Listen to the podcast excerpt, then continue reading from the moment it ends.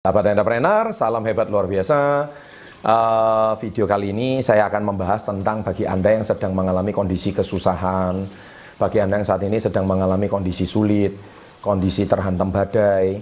Ya, semoga video ini bisa menghibur dan memberikan Anda solusi. Jadi di video kali ini saya akan membahas tentang lima tahapan yang harus Anda lakukan ketika Anda jatuh bangkrut dan saat ini Anda sedang miskin.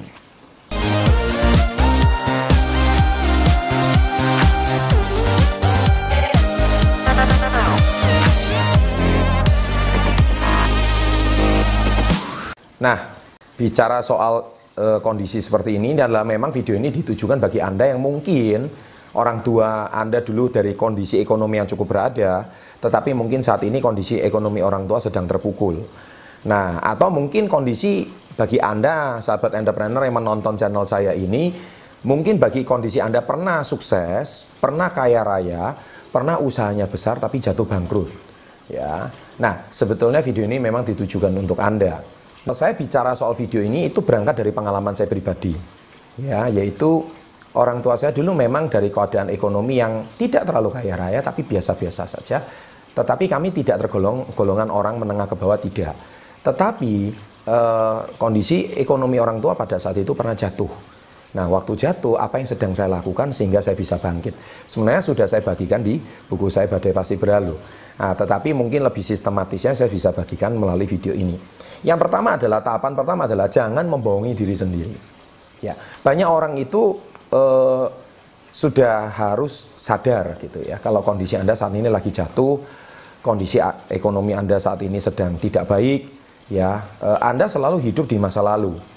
Anda selalu membohongi diri sendiri. Setiap hari masih makan di restoran, setiap hari masih pakai pakaian mewah, setiap hari masih pakai uh, lifestyle-nya atau gaya hidupnya tidak bisa menurun dengan kondisi yang masih ada, itu menurut saya Anda harus sadar. Anda nggak boleh bohongi diri sendiri. Ya, selalu saya katakan menjadi kaya itu penting, tapi terlihat kaya tidak penting. Nah, Anda itu jangan selalu menjadi manusia yang selalu mau terlihat kaya.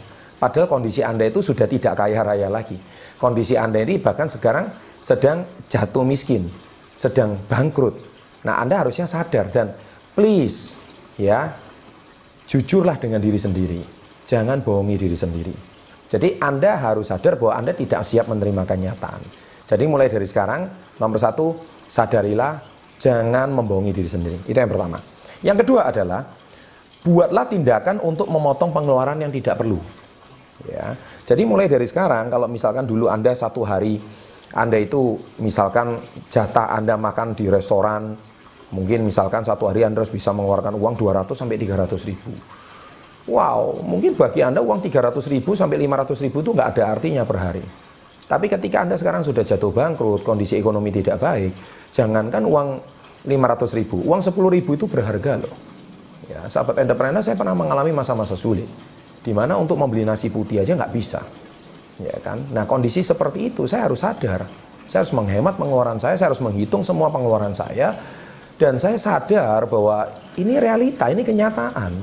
Dan kita tidak bisa menutupi diri gitu. Jadi ketika saya sudah membuat semuanya dan saya mengubah gaya hidup saya.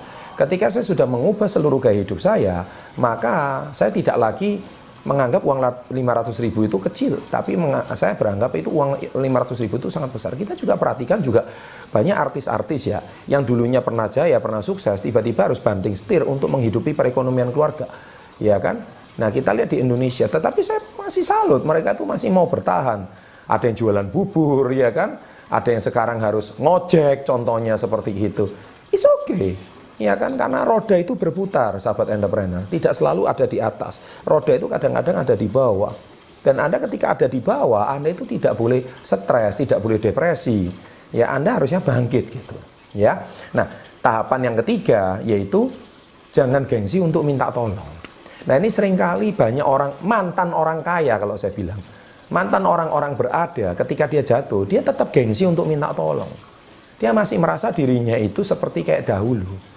Ya, padahal sebetulnya harusnya Anda itu jangan eh, apa ya, jangan keras kepala. Kalau memang dalam kondisi Anda itu harus minta tolong ya, mintalah tolong gitu. Dan semoga saya berharap ada orang yang menolong Anda. Ya, kenapa? Karena kalau memang reputasi Anda baik, Anda mungkin dulu tidak pernah menipu orang, Anda dipercaya sama orang lain, saya percaya pasti banyak bala bantuan akan menolong Anda.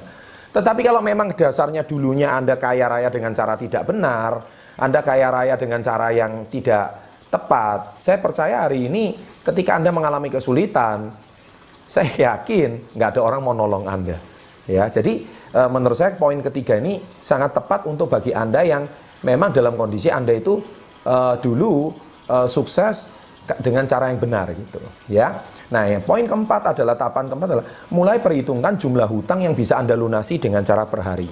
Nah, sebetulnya sahabat entrepreneur saya sudah banyak membahas tips-tips finansial. Tips-tips finansial di situ itu banyak sekali membahas tentang uh, ketika seseorang sedang mengalami masa-masa sulit, Anda itu harus breakdown target Anda bahkan kondisi finansial Anda per hari. Bahkan saya di sini ada beberapa video rekomendasi. Anda dengan 27 ribu aja Anda bisa mempersiapkan pernikahan. Dengan 5 ribu rupiah saja Anda bisa memiliki logam emas. Ya Anda bisa tonton video-video saya yang lain. Bagaimana uang kecil itu ternyata dampaknya itu besar. Nah Anda juga mulai dari sekarang harus mulai memperhitungkan. Uh, misalkan jumlah utang Anda berapa? Misalkan jumlah utang Anda 100 juta rupiah. Nah Anda harus hitung. Sekarang Anda bisa menghasilkan uang berapa rupiah per hari. Nah, Anda harus hitung kalau misalkan 100 juta ini Anda target Anda bisa lunasi contohnya mungkin 2 tahun. Nah, 2 tahun itu adalah sekitar 700 hari, contohnya seperti itu. Nah, 700 hari Anda harus hitung. Berarti Anda per hari harus membayar hutang itu berapa rupiah. Ya. Dan saya percaya itu pasti akan menemukan satu angka, mungkin berapa 15 ribu kayak atau berapa. Nah, Anda harus hitung dan dari situ anda pasti akan menemukan berarti Anda harus mencari profit 15 ribu per hari. Dan jangan remehkan kekuatan 15 ribu itu kalau Anda komitmen dipotong semuanya. Ya, tips melunasi hutang dengan tenang dan sebagainya, saya juga ada videonya. Saya yakin sebetulnya hutang Anda pasti akan komit melunasi. Atas asal Anda punya itikat baik. Kalau Anda memang dasarnya nggak punya itikat baik, ya susah. Video ini tidak ditujukan untuk Anda. Video ini ditujukan kalau Anda memang kalau Anda punya hutang, Anda punya itikat baik, Anda bisa komitmen dengan orang yang uh, memberikan hutang kepada Anda dan Anda silakan negosiasi sama beliau, entah itu sama bank, entah itu sama rentenir, entah itu sama saudara. Anda punya itikat baik, cicilah. Ya, saya sebenarnya cicilan itu pelan atau pasti akan lunas. Oke. Nah, tahapan yang kelima, buatlah terobosan atau belajar hal yang baru. Nah, jadi sahabat entrepreneur mungkin Anda selama ini uh, ada kesulitan atau ada masalah sehingga Anda mungkin pening kepalanya, tidak bisa membuat terobosan hal yang baru. Padahal menurut saya ketika Anda itu uh, sudah tenang, komitmen sudah ada, ketika Anda sudah mulai nyaman, jangan tingkatkan dulu gaya hidup Anda.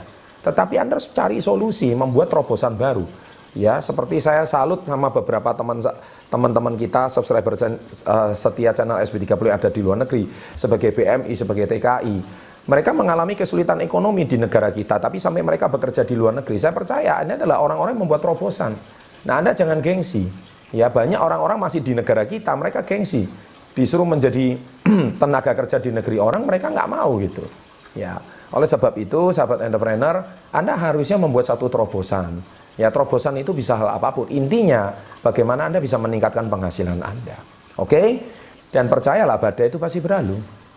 Ya kan, kalau Anda misalkan hari ini mengalami kesulitan, mengalami tantangan, nih saya tunjukkan melalui sebuah karya saya. Di karya itu saya berbagi bahwa kesulitan itu bukan nggak bisa dilewati, bisa. Kalau ada masalah itu bukan berarti nggak bisa uh, diselesaikan, bisa. Ya, jadi sahabat entrepreneur, uh, hari ini kalau Anda ingin sukses, belajarlah dari orang yang lebih sukses.